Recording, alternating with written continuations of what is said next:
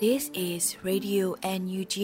the voice of National Unity Government of Myanmar, broadcasting for Myanmar Spring Revolution. Radio NUG is transmitting from shortwave 16 meter 17.79 megahertz at 8:30 a.m. and 25 meter 11.94 megahertz at 8:30 p.m. Myanmar Standard Time. မင်္ဂလာပါရှင်။အမျိုးသားညီညွတ်ရေးအစိုးရရဲ့အတန်လွတ်ဌာန Radio NUG ကိုမန္တပိုင်း၈နိုင်ခွဲမှာလိုင်းတူ6မီတာ19.3ခွန်ကုန်းမဂါဟတ်စ်နဲ့ညပိုင်း၈နိုင်ခွဲမှာလိုင်းတူ25မီတာ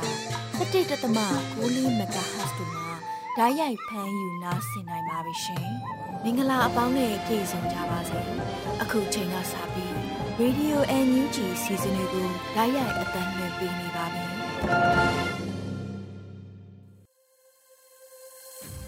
မင်္ဂလာနံနက်ခင်ပါရှင်ရေဒီယို NUG ကိုနားဆင်နေကြတဲ့မိဘပြည်သူများနဲ့မြန်မာနိုင်ငံသူနိုင်ငံသားအပေါင်းတဘာဝဘေးဆရာနာရှင်ဘေးတို့ကနေကင်းဝေးပြီးကိုစိတ်နှပါဘေးကင်းလုံခြုံကြပါစေလို့ရေဒီယို NUG အဖွဲ့သားများကဆုတောင်းမေတ္တာပို့သလိုက်ပါတယ်အခုချိန်ကစပြီးဇူလိုင်လ23ရက်နေ့ရေဒီယို NUG ရဲ့မနက်ခင်းအစီအစဉ်တွေကိုစတင်ထုတ်လွှင့်ပေးတော့မှာဖြစ်ပါတယ်ပထမအဆုံးအနေနဲ့ ပြည်တွင်းသတင်းများကိုတော့ဟိန်းကိုကိုမှဖတ်ကြားတင်ပြပေးတော့မှာဖြစ်ပါတယ်ရှင်။မင်္ဂလာပါခင်ဗျာအခုချိန်ကစပြီး2023ခုနှစ်ဇူလိုင်လ23ရက်နေ့မနက်ပိုင်းမှာတင်ပြပေးမယ်ရေဒီယိုအန်ယူချီပြည်တွင်းသတင်းများကိုဖတ်ကြားပေးပါတော့မယ်ခင်ဗျာကျွန်တော်ဟိန်းကိုကိုပါဥစွာတင်ပြပေးမယ့်သတင်းကတော့ဒေါ်လာရေးကအရှိန်တက်လာလေးလေးပြဿနာတွေကိုဖန်တီးခြင်းသူတွေလည်းရှိစမြဲမှုကဏ္ဍတိုင်းအတွက်သတိထားကြဖို့ ပြည်ထောင်စုဝန်ကြီးချုပ်ပြောကြားလိုက်တဲ့သတင်းပဲဖြစ်ပါတယ်ဒေါ်လာရေးကအရှိန်တက်လာလေးလေးပြဿနာတွေကိုဖန်တီးခြင်းသူတွေလည်းရှိစမြဲမှုကဏ္ဍတိုင်းအတွက်သတိထားကြဖို့ဇူလိုင်လ17ရက်မှာကျင်းပတဲ့မြို့သားညီညွတ်ရေးအစိုးရအစိုးရအဖွဲ့အစည်းအဝေးအမှတ်စဉ်23မြင်းဆောင်2023မှာပြည်ထောင်စုဝန်ကြီးချုပ်မန်းဝင်းခိုင်တန်းကပြောပါတယ်။တော်လန်ရေးကအရှိန်တက်လာလေလေအောင်ပွဲကိုမြင်ရလေလေပြဿနာတွေကိုဖန်တီးခြင်းသူတွေဆိုတာလည်းရှိစမြဲမှုတက်နိုင်သမျှကျွန်တော်တို့ဘက်က ကဏ္ဍတိုင်းအတွက်သတိထားကြဖို့လိုအပ်မှာဖြစ်ပါတယ်။ပန်းဝင်ကန်နီးလေလေဘိုးမိုပင်မန်းစွာစ조사ရလေမို့အခုလိုအောင်ပွဲနဲ့အနည်းဆုံးရောက်ရှိနေပြီဖြစ်တဲ့အချိန်ကာလမှာဗတ်ပေါင်းဆောင်ကစွစွစည်းစည်းနဲ့ချီတက်နိုင်ကြဖို့ဆိုတာအရေးကြီးဆုံးဖြစ်ပါတယ်လို့ဝန်ကြီးချုပ်ကဆိုပါတယ်။လက်ရှိမှာအကြံဖက်စေအုပ်စုထောက်ခံသူစစ်လော်ဘီများမှ Telegram နဲ့လူမှုကွန်ရက်များမှာမဟုတ်မမှန်သတင်းများထုတ်လွှင့်ပြီးတော်လိုင်းအင်အားစုများအားပုံဖြတ်ရေးသားဖော်ပြမှုတို့ရှိနေပါတယ်ခင်ဗျာ။ နောက်ထပ်တင်ပြပေးမယ့်သတင်းတစ်ပုဒ်ကတော့ထိုင်းနိုင်ငံသားရေးဝန်ကြီးလုပ်ရဲ့မြမရေးပြဿနာကိုအကူအညီမပေးုံနဲ့မကဘဲနဲ့ဒေတာရင်းအာဆီယံရဲ့စီးလုံးညီညွတ်မှုကိုပါပြက်ပြားစေတဲ့ချင်းကပ်မှုမျိုးဖြစ်တယ်လို့ NUG နိုင်ငံသားရေးဝန်ကြီးတုံ့ပြန်လိုက်တဲ့သတင်းပဲဖြစ်ပါတယ်။ထိုင်းနိုင်ငံသားရေးဝန်ကြီးလုပ်ရဟာမြမရေးပြဿနာကိုအကူအညီမပေးုံနဲ့မကဘဲနဲ့ဒေတာရင်းအာဆီယံရဲ့စီးလုံးညီညွတ်မှုကိုပါပြက်ပြားစေတဲ့ချင်းကပ်မှုမျိုးဖြစ်တယ်လို့ NUG နိုင်ငံသားရေးဝန်ကြီးဌာနပြည်ထောင်စုဝန်ကြီး ဒေါ်စင်မအောင်ကဇူလိုင်လ12ရက်တွဲဆုံမေးမြန်းခန်းတစ်ခုမှာတုံ့ပြန်ပြောဆိုလိုက်ပါတယ်။အိမ်ဆောင်ဆိုရဖြစ်တဲ့ထိုင်းနိုင်ငံသားရေးဝန်ကြီးကသွားတွေ့တယ်ဆိုတာသူ့ရဲ့ကိုစားပြုမှုကဘာကိုကိုစားပြုတာလဲဘယ်တာဝန်ရသွားတွေ့တာလဲဆိုတာကျမတို့အကြီးအကျယ်မေးခွန်းထုတ်เสียရရှိတယ်ဒါကကျမတို့တိုင်းပြည်ရဲ့ပြဿနာကိုဖြေရှင်းတဲ့နေရာမှာအကူအညီမပေးုံနဲ့မကဘဲနဲ့ဒေသတွင်းအာဆီယံရဲ့စီးလုံးညီညွတ်မှုကိုပါပြက်ပြားစေတဲ့ချင်းကပ်မှုမျိုးဖြစ်တယ်ဆိုတာ ကျမတို့သုံးသပ်ရရှိပါတယ်လို့ဝန်ကြီးကဆိုပါတယ်ဇူလိုင်လ9ရက်နေ့ကနေပြည်တော်သို့နေချင်းမြန်ခီးစဉ်ဖြစ်ထိုင်းနိုင်ငံသားရေးဝန်ကြီးဒွန်ပရာမွန်ဝီနိုင်ကအကြံဖက်စစ်ခေါင်းဆောင်နဲ့တွေ့ဆုံခဲ့ပြီးနိုင်ငံတော်ရဲ့အတိုင်ပင်ခံပုဂ္ဂိုလ်ဒေါအောင်ဆန်းစုကြည်ကိုပါတွေ့ဆုံခဲ့တယ်လို့သတင်းထုတ်ပြန်ခဲ့ပါတယ်။သို့သောဒေါအောင်ဆန်းစုကြည်နဲ့တွေ့ခွင့်မရရှိခဲ့ဘူးလို့လည်းသတင်းဌာနချုပ်ကဖော်ပြခဲ့ပြီးမြမအရေးကိုထိုင်းနိုင်ငံသားရေးဝန်ကြီးဒွန်ပရာမွန်ဝီနိုင်ကလိန်လည်ပြောဆိုတယ်လို့လည်းမြန်မာပြည်သူလူထုအများစုကလူမှုကွန်ရက်စာမျက်နှာမှာ သုံးသပ်ပြောဆိုခဲ့ပါတယ်ခင်ဗျာဆက်လက်တင်ပြပေးခြင်းတဲ့သတင်းကတော့မြို့သားညီညွတ်ရေးအစိုးရကာကွယ်ရေးဝန်ကြီးဌာနပြည်သူ့ကာကွယ်ရေးတပ်မတော် Federal စစ်ကြောင်းရဲ့အပတ်စဉ်လေးတင်နန်းစင်ပွဲကျင်းပခဲ့တဲ့တဲ့ပဲဖြစ်ပါတယ်။မြို့သားညီညွတ်ရေးအစိုးရကာကွယ်ရေးဝန်ကြီးဌာနပြည်သူ့ကာကွယ်ရေးတပ်မတော် Federal စစ်ကြောင်းရဲ့အပတ်စဉ်လေးတင်နန်းစင်ပွဲကျင်းပခဲ့တယ်လို့ Federal စစ်ကြောင်းကဇူလိုင်12ရက်နေ့မှာအသိပေးဆိုပါတယ်။မိမိတို့စစ်ကြောင်းအနေဖြင့်တစ်နှစ်ကျော်ကာလအတွင်း စီကံကောင်းမွန်၍စိတ်သက်ခိုင်မာတဲ့ပြည်သူ့ကာကွယ်ရေးတပ်မတော်သားများကိုမွေးထုတ်ပေးခဲ့ရာယခုအခါအပတ်စဉ်လေးတိုင်းရှိခဲ့ပြီးဖြစ်တယ်။ထို့အပြင်ပုံမကောင်းမွန်မြင့်မားတဲ့စစ်ပညာရေးများကိုလည်းလေ့လာလျက်ရှိကြပြီးရရန်သူကိုအထီးရောက်ဆုံးတိုက်ခိုက်နိုင်ရန်အတွက်စ조사လျက်ရှိပါတယ်လို့ဆိုပါတယ်။ပြည်သူလူထုရဲ့ထောက်ပံ့ကူညီမှုများနဲ့ဝေထုတ်ပေးနိုင်ခဲ့တဲ့ရဲဘော်များသည်ဒေတာတွင်သာမကမဟာမိတ်ဒေတာရဲ့ရှေ့တန်းစစ်မျက်နှာတွေမှာပါပါဝင်တိုက်ခိုက်လျက်ရှိတယ်လို့ဖက်ဒရယ်စစ်ကြောင်းကဆိုပါတယ်။ ရဲဘော်များအနေဖြင့်တင်နန်းစင်းပွဲတွင်တစ္ဆာဒိဋ္ဌံပြုခြင်းတစ္ဆာရေးတောက်ခြင်းတို့ကိုပြုလုပ်ခဲ့ကြပါတယ်ခင်ဗျာ။ထပ်မံတင်ပြပေးခြင်းတဲ့တဲ့တင်ကတော့အမေရိကန်ပြည်ထောင်စုဆက်ခရမန်တိုမှာပြည်ထောင်စုဝန်ကြီးဒေါက်တာဝင်းမြတ်ရေးနဲ့လူထုတွေ့ဆုံပွဲမှာမြန်မာစစ်ပေးဆောင်ပြည်သူများအတွက်အမေရိကန်ဒေါ်လာ1000ကျော်နဲ့အတူရွှေငွေလက်ဝဲရနာများလှူဒန်းခဲ့ကြတဲ့တဲ့တင်ပဲဖြစ်ပါတယ်။ အမေရိကန်ပြည်ထောင်စုဆက်ခရမန်တိုမှာပြည်ထောင်စုဝန်ကြီးဒေါက်တာဝင်းမြတ်ရေးနဲ့လူလူတွေ့ဆုံပွဲမှာမြန်မာစစ်ပေးဆောင်ပြည်သူများအတွက်အမေရိကန်ဒေါ်လာ1000ကျော်နဲ့အတူရွှေငွေလက်ဝတ်ရတနာများလှူဒန်းခဲ့ကြတယ်လို့သတင်းရရှိပါရခင်ဗျာဇူလိုင်လ17ရက်နေ့ကပြည်ထောင်စုဝန်ကြီးဒေါက်တာဝင်းမြတ်အေးဟာကယ်လီဖိုးနီးယားပြည်နယ်ဆက်ခရမန်တိုမြို့အနီးတစ်ဝိုက်မြန်မာမိသားစုများနဲ့ရင်းရင်းနှီးနှီးတွေ့ဆုံနှုတ်ဆက်ဆွေးနွေးခဲ့ကြပါတယ်။တွေ့ဆုံပွဲမှာပြည်ထောင်စုဝန်ကြီးဒေါက်တာဝင်းမြတ်အေးကတော်လန်ရေးသည်ပြည်သူတော်လန်ရေးဖြစ်ပြီး ပြည်သူကိုအကာအကွယ်ပေးခြင်းနဲ့ထောက်ပံ့ကူညီခြင်းကိုမဖြစ်မနေဆောင်ရွက်ပေးရမှာပြည်သူအစိုးရနဲ့ပြည်သူတို့၏တာဝန်ဖြစ်ကြောင်းသို့မှသာပြည်သူများကတော်လန်ရေးတွင်အပြည့်အဝပါဝင်နိုင်မည်ဖြစ်ကြောင်းထို့သို့ထောက်ပံ့နိုင်ရန် MOPFI နဲ့ MOHADM တို့ပူးပေါင်းဆောင်ရွက်နေသည့်ဆေးအနာရှင်ကြဆုံးရေးနဲ့အညာမြေကူညီရေးကမ်ပိန်းများတွင်အားထည့်ကူညီကြရန်တိုက်တွန်းပြောကြားခဲ့ပါတယ်။ တွဲဆုံနှုတ်ဆက်ပွဲကို Free Burma Action Committee Sacramento မှဦးဆောင်ကျင်းပခဲ့ပြီးခမ်းနားတက်ရောက်လာသူမြန်မာမိသားစုများကမြန်မာပြည်တွင်အိုးအိမ်စွန့်ခွာထွက်ပြေးကဒုက္ခရောက်နေသူများအားကူညီနိုင်ရန်အမေရိကန်ဒေါ်လာ1600နဲ့အတူ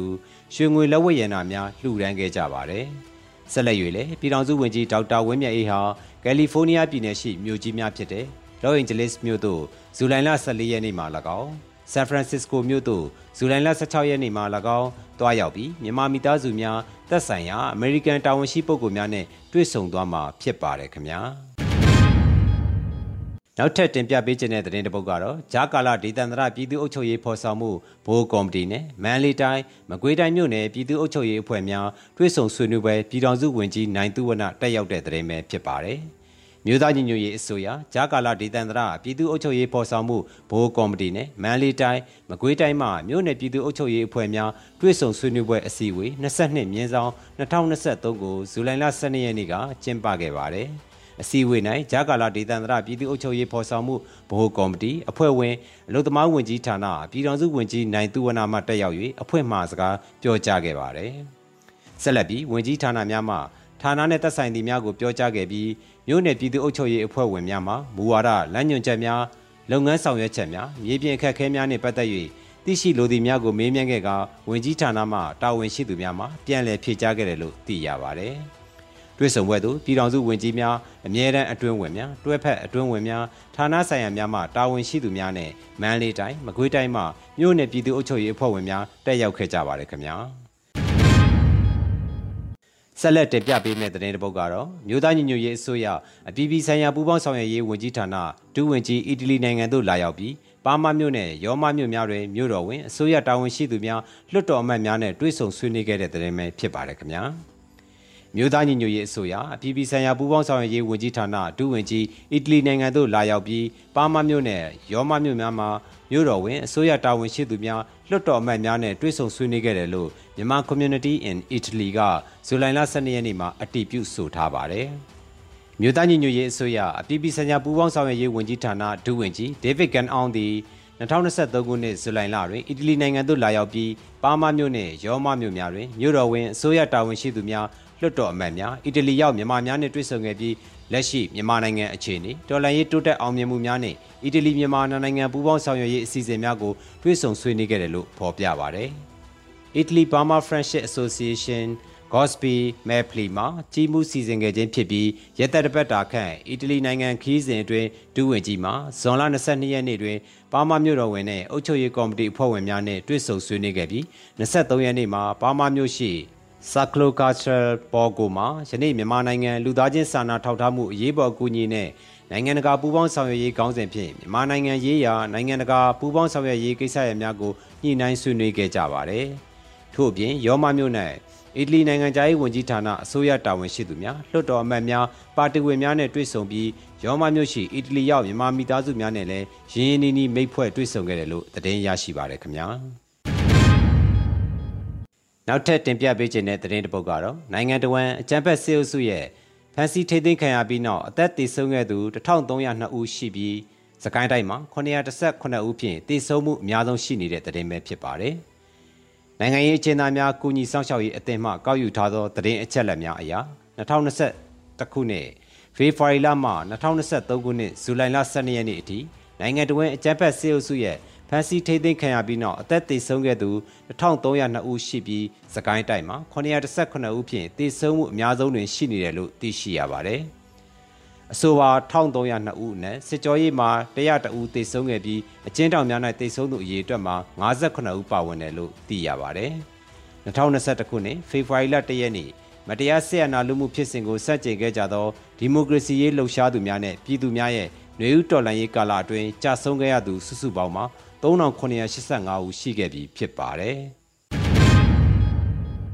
ထပ်မံတင်ပြပေးခြင်းတဲ့သတင်းတပုတ်ကတော့ခရီးနီရှိနေဆက်တနေရာကိုစစ်ကောင်စီအကြမ်းဖက်တပ်ကလေရင်နဲ့ဘုံလေးလုံးကျဲချခဲ့ရာအရက်သားတူတေဆုံးပြီးပြည်သူ3000ကျော်နေရက်စွန့်ခွာထွက်ပြေးတိမ်းရှောင်နေရတဲ့သတင်းပဲဖြစ်ပါတယ်။ KNY ပြည်ရှိနေဆက်တနေရာကိုစစ်ကောင်စီကြမ်းဖက်တပ်ကလေရင်နဲ့ဘုံလေးလုံးကျဲချခဲ့တာကြောင့်အရက်သားတူတေဆုံးခဲ့ပြီးပြည်သူ3000ကျော်နေရက်စွန့်ခွာထွက်ပြေးတိမ်းရှောင်နေရတယ်လို့သတင်းရရှိပါရခင်ဗျာ။ဇူလိုင်လ12ရက်နေ့မနက်ပိုင်းမှာစစ်ကောင်စီတပ်ကလေကြောင်းတိုက်ခိုက်မှုလှုံ့ဆော်ခဲ့ကြောင်း Granny Generation Youth ကအတည်ပြုထားပါတယ်။ ဇူလိုင်လ12ရက်နေ့မနက်12နာရီခွဲအချိန်မှာပြည်နေရှိနယ်စပ်တနေရာကိုစစ်ကောင်စီကြမ်းဖက်တပ်ကလေရင်နဲ့ဘုံလေးလုံးကျဲချခဲ့တာကြောင့်ပြည်သူ3000ကျော်နေရဲစွန့်ခွာထွက်ပြေးတိမ်းရှောင်နေခဲ့ရတယ်လို့ဖော်ပြပါတယ်။ဘုံနံကြောင့်10သဲကျောင်းပျက်စီးခဲ့ရပြီးပြည်သူတို့သေဆုံးက9ဦးဒဏ်ရာရရှိခဲ့ပါတယ်။အလားတူကရင်ပြည်လွိုက်ကော်မြို့နယ်လက်တွဲချေးရွာမှာဇူလိုင်လ17ရက်နေ့ည8:40အချိန်မှာလွိုက်ကော်မြောက်တက်ဖြစ်တဲ့356မှာလက်နက်ကြီးနဲ့10လုံးထက်မနည်းရွာတဲ့ပစ်ခတ်မှုကြောင့် ရွာသားအပြင်းထန်တန်ရာ2ဦးနဲ့ထိခိုက်တန်ရာအနည်းငယ်10ဦးရရှိခဲ့တယ်လို့သတင်းရရှိပါရခင်ဗျာအခုတစ်ခါတင်ပြပေးမယ့်သတင်းကတော့ကော့ဂရိတ်နဲ့ကျုံတို့ရှိစစ်ကောင်စီတပ်အတွင်းသို့လက်နက်ကြီးများနဲ့ပစ်ခတ်တိုက်ခိုက်တဲ့သတင်းပဲဖြစ်ပါတယ်ခင်ဗျာ။ကရင်ပြည်နယ်ကော့ဂရိတ်နဲ့ကျုံတို့ရှိစစ်ကောင်စီတပ်တွင်းသို့လက်နက်ကြီးများနဲ့ပစ်ခတ်တိုက်ခိုက်ခဲ့တယ်လို့ကြားဖြူစစ်ကြောင်းကဇူလိုင်လ12ရက်နေ့မှာအတည်ပြုဆိုထားပါတယ်။ဇူလိုင်9ရက်နေ့မှာကြားဖြူစစ်ကြောင်းရုံးဖွဲ့နဲ့ကြားဖြူတပ်ခွဲလေးတို့ပူးပေါင်းက ကော့ဂရိတ်မြို့နယ်ရှိအကြမ်းဖက်စစ်ကောင်စီတပ်ရင်း69နဲ့သူ40မမနဲ့ပစ်ခတ်တိုက်ခိုက်ခဲ့ပါတယ်။ဇူလိုင်လ10ရက်နေ့မှာကျုံတို့မြို့ရှိအကြမ်းဖက်စစ်ကောင်စီ946တပ်ရင်းနဲ့သူကြားဖြူစစ်ကြောင်းတပ်ခွဲ3မှ60မမနဲ့ပစ်ခတ်တိုက်ခိုက်ခဲ့တယ်လို့ဆိုပါတယ်။အဆိုပါတိုက်ခိုက်မှုများတွင်ပြည်သူ့ကာကွယ်ရေးတပ်ဖွဲ့ဝင်များမှတစုံတရာထိခိုက်မှုမရှိခဲ့ဘဲရန်သူအထိခိုက်တဲ့စစ်စစ်ဆဲဖြစ်တယ်လို့ဆိုပါတယ်။ကြားဖြူစစ်ကြောင်းဟာမာမိတ်တပ်ပေါင်းစုများနဲ့ပူးပေါင်းက အာနာရှင်စနစ်အမြင့်ပြတ်ရေးမတရားဖန်ဆီးခံထားရသူများလွတ်မြောက်ရေးတိုင်းရင်းသားအလုံးဒန်းတူခွင့်ရေးရရှိရေးဖက်ဒရယ်ပြည်ထောင်စုတည်ဆောက်ရေးစသည့်ရည်မှန်းချက်များနဲ့အစွမ်းကုန်တိုက်ပွဲဝင်နေဆဲဖြစ်တယ်လို့ဆိုထားပါတယ်။အခုတင်ပြခဲ့တဲ့သတင်းတွေကို Radio NUG သတင်းတောက်မင်းတီဟန်ကပေးပို့ထားတာဖြစ်ပါတယ်ခင်ဗျာ။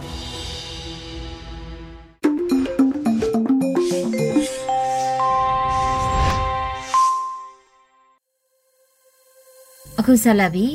မောင်ကျော်ကိုရာရေးသားရွတ်ဆိုထားတဲ့ဝီကျွေးတော်ပြေလို့အမည်ရတဲ့တော်လည်ရေးကြပြကို နားဆင်ရမှာဖြစ်ပါတယ်ရှင်။ဝတ်ကျွေးတော်ပြေဖြားနာနေတဲ့ရက်ဆွဲတွေတဲ့ခွေးဆွဲခံရတဲ့မိသားစုအကြောင်းတွေးမိရင်အသေးကွဲစရာတိပဲဒီလိုမိသားစုတွေဘလောက်များနေမလဲနှလုံးသားတွေနှွေးထွေးရင်ဒါဟာလဲအိမ်နဲ့ မိတော့တွေဝါမျိုးခံရတဲ့အိမ်ကိုကြည့်ပြီးနှလုံးသားတွေမာကြောလာရတဲ့မိသားစုတွေရှိရဲ့အိုးပြစ်အိမ်ပြစ်အကုန်ပြစ်ခဲ့ရသူတွေအများသာဝမ်းရည်အတွက်လွမ်းရည်ဖြတ်လို့ထမင်းအသက်လားရေအသက်လားမသေးကြမှုညှစ်နှုတ်လို့ကျင်တုတ်ခံရမခံရတော့မသိ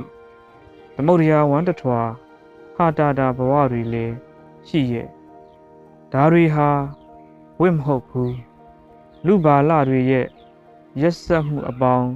တရဖူဆောင်းခြင်းဝစ်တက်ဆိုးတဲ့ဝစ်ဆိုတာပဲအိမ်မိုးမလုံလို့မိုးယူတဲ့အခါအပေါက်ဖာဖို့မစင်စားပဲ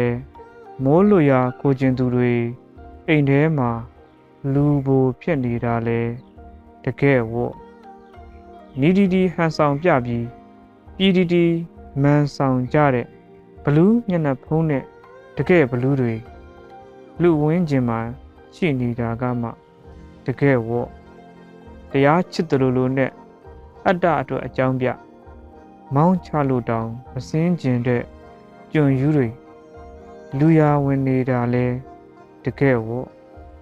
ကိုသွေးသားကိုမထိသရွေ့သူတော်ကောင်းတက်နဲ့ကဘာပတ်ချင်သူတွေ လူအတိုင်အမြုံတဲ့မြဲနေတာလဲတကယ်ဝေါ့တရားမျှတလွတ်လပ်ခြင်းနဲ့မသွေအော်နေပြီးတုံလိပါဝေကိုနဲ့မဆိုင်သလိုနေစိမ့်သူတွေများတဲ့များနေတာတကယ်ဝေါ့ဘန်ကင်ကြီးတဲ့ပြောချင်ပါတယ်ဆိုပြီးဗမ်းမင်တွေကိုရေလောင်းပေါင်းတင်ဖို့စိတ်မပါသူတွေလူလို့ခေါ်ခံနေကြတာလဲ တကယ်ဝေါ့မဲတီတာကိုယထာတင်ပြေးတဲ့အခန်းမှာဘလူးဆိုင်တီးပြီးမှနှစ်ပါးသွားကကျင်သူတွေဆက်စရာဖြစ်နေတာလဲတကယ်ဝေါ့ရက်ဆက်မှုနဲ့ဝတ်နဲ့နှစ်ပါးကလေးဆက်လေတဲ့အခါငါတို့ကိုကညံ့လွန်းတာလားယုံမှားမိတယ်တကယ်တော့ညံ့တာမဟုတ်ပဲလူထဲမှာလူပီတလို့ ခံစားနေရတာတမာကျမ်းစာမှာကုရ်အန်ကျမ်းမြတ်မှာဂီတဘာဝကျမ်းမှာပိဋကတ်၃ပုံမှာ38မိနစ်ချင်းမှာဝတ်ကြွေးတော်ပြေဖို့စောင့်မမှုများရှိခဲ့ရင် အမှောင်ကျနေတဲ့ဇာမဏီကို အလင်းပြစီခြင်းမိတကယ်တော့ဝတ်ကြွေးလို့စွတ်တွေးနေမဲ့စာကိုယ့်အတ္တကိုရှေ့တန်းမတင်မဲနေရရင် ကို့မထီလဲနာရရင်ကို့သွေးတွေလဲหนีတတ်ရင်ကိုနဲ့ဒန်းတူစာနာတတ်ရင်လေလုံးတွေတက်အလုံးနဲ့တက်တည်ပြတတ်ရင်ဝတ်ကြွေးတွေစွပ်ပြေးရမှာတားတောင်မရဘူးဝတ်ကြွေးတော့ဖြေပြောက်ပေးမဲ့ဘုရားသခင်ကခမားကိုယ်တိုင်ပဲဆိုတာသာခမားသိခဲ့ရင် သိလဲသိစေချင်ပါရဲ့ရောင်ကြီး6စုံတကိုးမပြခိုင်းပါဘူးအတ္တလေးရှည်တမ်းမတင်ပဲအလုတ်လုတ်ပြပါ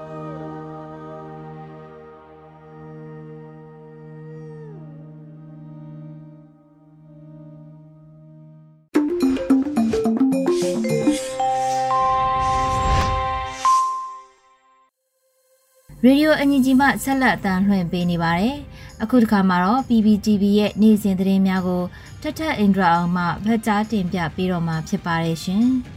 ။အခုချိန်ကစပြီး PPTV သတင်းတွေကိုတင်ဆက်ပေးတော့မှာပါ။ကျွန်မထထအင်ဒရာအောင်ပါ။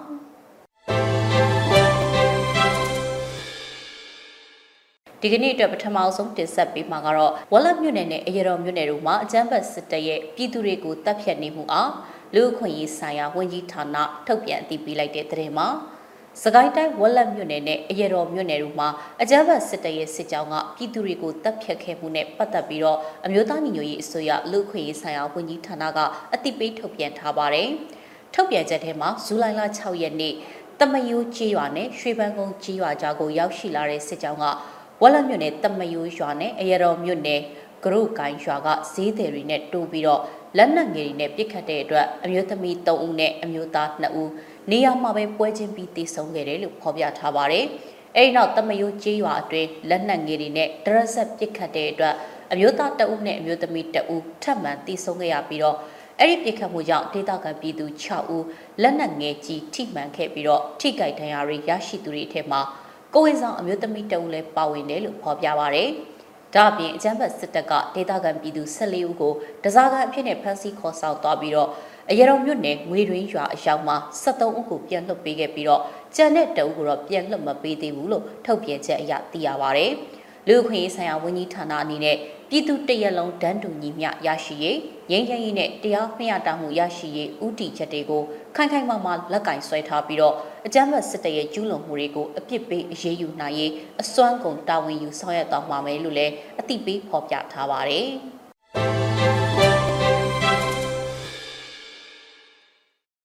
ဥပဒေယုံဖွဲ့စည်းထားတဲ့မြို့နယ်တွေကပြည်သူ့အုပ်ချုပ်ရေးအဖွဲ့များဥပဒေတာဝန်ခံများနဲ့တရားရေးဝန်ကြီးဌာနတို့တွစ်ဆုံဆွေးနွေးတဲ့သတင်းကိုလည်းတက်ဆက်ပေးခြင်းပါတယ်။ ဥပဒေယုံဖွဲ့စည်းတည်ထောင်ထားတဲ့မြို့နယ်တွေမှာရှိတဲ့မြို့နယ်ပြည်သူ့အုပ်ချုပ်ရေးအဖွဲ့ပအဖများဥပဒေတာဝန်ခံများနဲ့အမျိုးသားညီညွတ်ရေးအစိုးရတရားရေးဝန်ကြီးဌာနတို့ကြားတွေ့ဆုံမှုကို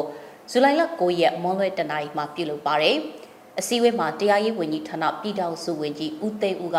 အင်အားကောင်းတဲ့စီစဉ်မှုတွေနဲ့ပရရယ်ပြည်ထောင်စုစီတို့ဦးတည်စေမဲ့အရွေ့များအားမကြောက်ရင်တွေ့မြင်မှာဖြစ်ကြောင်းနိုင်ငံတကာကအတိအမှတ်ပြုလောက်တဲ့အရွေ့များအားညှင်းတွေ့နေရပြီဖြစ်ကြောင်း တရားရေးဝန်ကြီးဌာနရဲ့အဓိကလှုပ်ဆောင်မှုက Federal Justice လို့ခေါ်တဲ့တရားဝတ်တရားမျှတမှုအားအဓိကထားပြီးတော့လှုပ်ဆောင်နေတဲ့အပြင် Civil Justice လို့ခေါ်တဲ့ကိုယ့်ရဲ့ကိုယ်ရွာကိုဒေတာကိုမြို့နယ်တွေမှာရှိတဲ့ရာဇဝတ်မှုများမတရားမှုများနဲ့ပတ်သက်ပြီးလဲတရားမျှတမှုရရှိစေရန်အဓိကထားပြီးတော့စစ်ဆေးဆောင်ရွက်လျက်ရှိကြောင်းရှင်းလင်းပြောကြားပါရယ်။ဒါ့အပြင်နေမီစိုးမှုမှုနဲ့ဆက်လင်းပြီးတော့ပကဖပအဖာရဲ့လှုပ်ဆောင်မှုတွေကအရေးကြီးကြောင်း နှွေဦးတော်လည်းကပေးအပ်တဲ့တာဝန်အပေါ်မှာတစ္ဆာရှိဖို့လိုကြောင်းမြို့နယ်တရားဥပဒေစိုးမိုးရေးကော်မတီများဖွဲ့စည်းရန်ဆက်လက်လှုပ်ဆောင်ကြရမှာဖြစ်ကြောင်းပြည်ထောင်စုဝန်ကြီးဦးသိန်းဦးကဆွေးနွေးခဲ့ပါတယ်။အဲဒီနောက်မှာတက်ရောက်လာကြတဲ့မြို့နယ်ပြည်သူ့အုပ်ချုပ်ရေးအဖွဲ့ခေါင်းဆောင်တွေနဲ့ဥပဒေတာဝန်ခံတွေကသက်ဆိုင်ရာမြို့နယ်တွေမှာရှိတဲ့မှုခင်းဖြစ်ပွားမှုအခြေအနေတွေကိုရှင်းလင်းတင်ပြခြင်းဥပဒေအကြံပေးခြင်းများလုပ်ငန်းညှိနှိုင်းဆောင်ရွက်နိုင်ရေးနဲ့ သက်ဆိုင်ရာမြို့နယ်တွေမှာရှိတဲ့ဥပဒေရုံးများရဲ့ရုံးလုပ်ငန်းလေပတ်နိုင်ရေးအခြေအနေတွေကိုဆွေးနွေးညှိနှိုင်းခဲ့ပါတယ်။ဆက်လက်ပြီးတော့လည်းမြို့နယ်တရားဥပဒေစိုးမိုးရေးကော်မတီဖွဲ့စည်းထားရှိရန်လိုအပ်တဲ့အခြေအနေများအားဆွေးနွေးညှိနှိုင်းတာနဲ့ရှေ့လုပ်ငန်းစဉ်များချမှတ်ခဲ့ကအစည်းအဝေးကိုရုပ်သိမ်းခဲ့တယ်လို့တရားရေးဝန်ကြီးဌာနရဲ့သတင်းထုတ်ပြန်ချက်မှာဖော်ပြထားပါတယ်။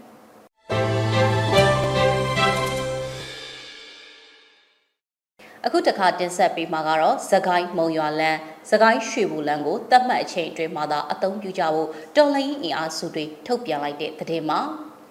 သခိုင်းမုံရွာလန်းသခိုင်းရွှေဘူလန်းကိုတတ်မှတ်ချိန်အတွင်းမှာသာအသုံးပြုကြဖို့တော်လိုင်းအင်အားစုတွေကမနေ့ကထုတ်ပြန်ပါတယ်အဲ့ဒီလန်အသုံးပြုသွားလာမှုကိုမနက်9နာရီကနေည8နာရီအတွင်းသာသွားလာကြဖို့အတိပေးမြစ်တာရက်ခံထားတာပါ။တတ်မှတ်တားမြစ်ထားတဲ့အချိန်အတွင်းကျမ်းမာရေးအရေးပေါ်အခြေအနေသွားလာလိုပါက နီးစပ်ရာတော်လှန်ရေးတပ်ဖွဲ့တွေစီကိုတိကျစွာသတင်းပေးဖို့တွာလာနိုင်တယ်လို့ဆိုပါတယ်။သက်ဆိုင်ရာအဖွဲ့အစည်းတွေကိုသတင်းပေးဖို့ခြင်းမရှိဘဲနဲ့မိမိတို့သဘောဆန္ဒအလျောက်လမ်းအသုံးပြုသွားလာလို့တစုံတရာဖြစ်ပေါ်လာပါကဖြတ်တန်းသွားလာသူရဲ့တာဝန်သာဖြစ်တယ်လို့စကိုင်းမြို့နယ်သတင်းမှန်ပြန်ကြားရေးရဲ့ထုတ်ပြန်ချက်မှာဖော်ပြထားပါတယ်။ပြည်သူတွေအနေနဲ့ထုတ်ပြန်ချက်ကိုလိုက်နာခြင်းအပြင်တော်လှန်ရေးတပ်ဖွဲ့တွေနဲ့အတူပူးပေါင်းပါဝင်ပေးကြဖို့မြစ်တာရက်ခံထားပါတယ်။ ဒါအပြင်ရွှေဘိုခရိုင်အတွင်းကမန္တလေးရွှေဘိုလမ်းပိုင်းကိုမနက်6နာရီကနေည6နာရီအတွင်းသာတွာလာကြဖို့ကိုလည်းထုတ်ပြန်ထားပါတယ်။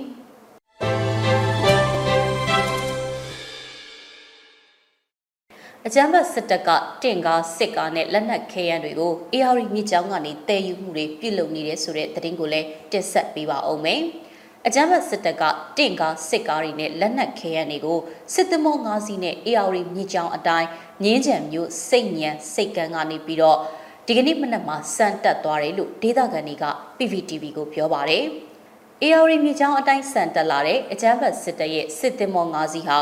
ဇူလိုင်လ17ရက်မနေ့ညကငင်းချံမျိုးစိတ်ညံစိတ်ကန်းမှာညအိပ်ရနာခဲ့ပြီးတော့ဒီကနေ့မနက်6နာရီခွဲအချိန်မှာဆက်လက်စံတက်လာခြင်းဖြစ်တယ်လို့ ဒေသခံသတင်းရင်းမြစ်ထံကနေသိရတာပါရှေ့ဆုံးစီးမှာအမြောက်နှစ်လက်ပါတယ်နောက်လေးစီးမှာတင့်ကားနဲ့စစ်ကားတွေတင်လာတာတွေ့ရလို့မျက်မြင်ဒေသခံတအုပ်ကလည်း PPTV ကိုပြောပြထားပါတယ်အကြမ်းဖက်စစ်တပ်ဟာတိုက်ပွဲတွေပြင်းထန်နေတဲ့စကိုင်းမကွေးမန္တလေးတိုင်းစတဲ့ဒေသတွေကိုတိုက်ခိုက်ဖို့စစ်ကြောင်းထိုးမှုတွေလုပ်တဲ့အခါတော်လိုင်းအင်အားစုတွေရဲ့မိုင်းဆွဲတိုက်ခိုက်ခံရမှုတွေမကြာခဏကြုံလာရပြီးတော့ ကုန်းလန့်အစားအခုလိုရေချောင်းကိုတုံးဆွဲလာတာမျိုးတွေပြုလုပ်လာတယ်လို့ဒေသခံတွေကမှတ်ချက်ပြုထားပါတယ်။ယခုရက်ပိုင်းတော်လှန်ရေးအင်အားစုတွေဘက်ကအကြမ်းဖက်စစ်ကောင်စီတပ်စခန်းတွေကိုဒရုန်းနဲ့ပုံကျဲတိုက်ခိုက်မှုတွေဝင်ရောက်စီးနင်းသိမ်းပိုက်မှုတွေခက်စိတ်စိတ်ပြုလုပ်လာနေပြီးတော့အကြမ်းဖက်စစ်သားအများပြားလဲကြဆုံမှုတွေရှိနေတာကိုတွေ့ရပါတယ်။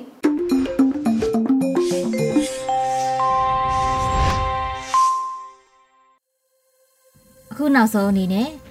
GRB ရေးသားထားပြီးကောက်လေးတီဆိုထားတဲ့အောင်ပွဲလို့အမည်ရတဲ့တော်လန်ရေးတေးဂီတာကိုနားဆင်ရမှာဖြစ်ပါတယ်ရှင်။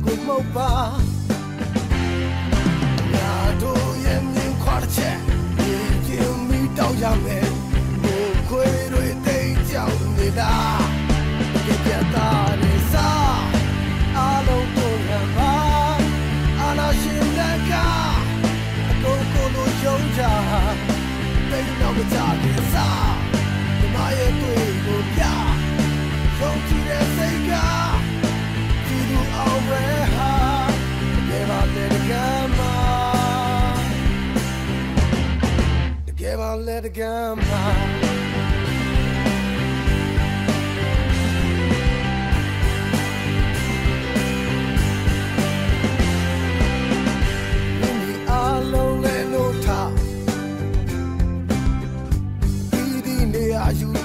ကြ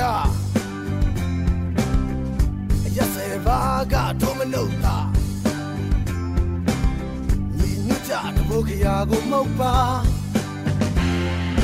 လာတို့ရဲ့မြင်ခွာတစ်ချက်မြေပြုံမီတောက်ရမယ်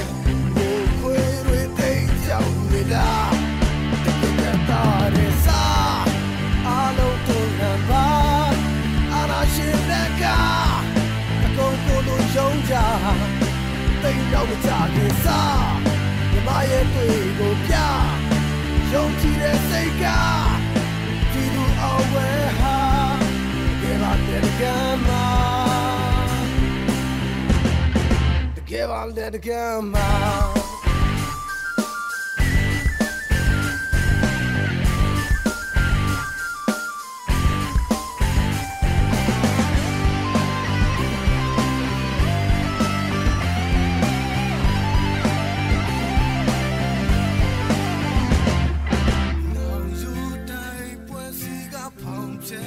စိတ်တကငါတို့ရင်တဲ့ပြည့်ထထားကြည့်ပြတာရစားအလုံးကိုလာမအရာရှိတကကို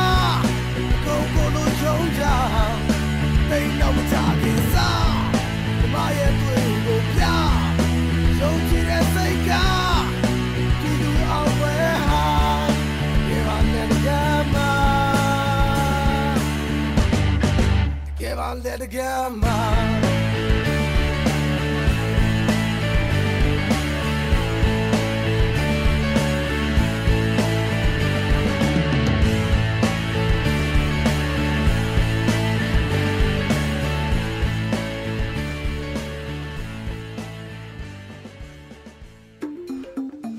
ကနေ့ကတော့ဒီညနေပဲ Radio NUG ရဲ့အစီအစဉ်လေးကိုခေတ္တရ延လိုက်ပါမယ်ရှင်မြန်မာစံတော်ချိန်မနေ့၈နိုင်ခွဲနဲ့ည၈နိုင်ခွဲအချိန်တွေမှာပြောင်းလဲဆိုပြကြပါလို့ရှင် Radio NUG ကိုမနေ့ပိုင်း၈နိုင်ခွဲမှာ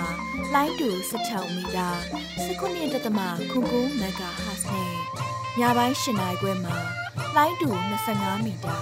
17တက်တမ9မဂါဟတ်တို့မှာဓာတ်ရိုက်ဖမ်းယူ နာဆင်နိုင်ပါပြီရှင်မြန်မာနိုင်ငံသူနိုင်ငံသားများကိုယ်စိတ်နှဖျားစမ်းမချမ်းသာလို့ဘေးကင်းလုံခြုံကြပါစေလို့ Radio NUG ရဲ့ဖွဲ့သူဖွဲ့သားများကဆုတောင်းလိုက်ရပါတယ်။ San Francisco Bay Area အခြေစိုက်မြန်မာမိသားစုများနဲ့နိုင်ငံတကာကစေတနာရှင်များလိုအားပေးများရဲ့ Radio NUG ဖြစ်ပါတယ်ရှင်။အရေးတော်ပုံအောင်ရမည်။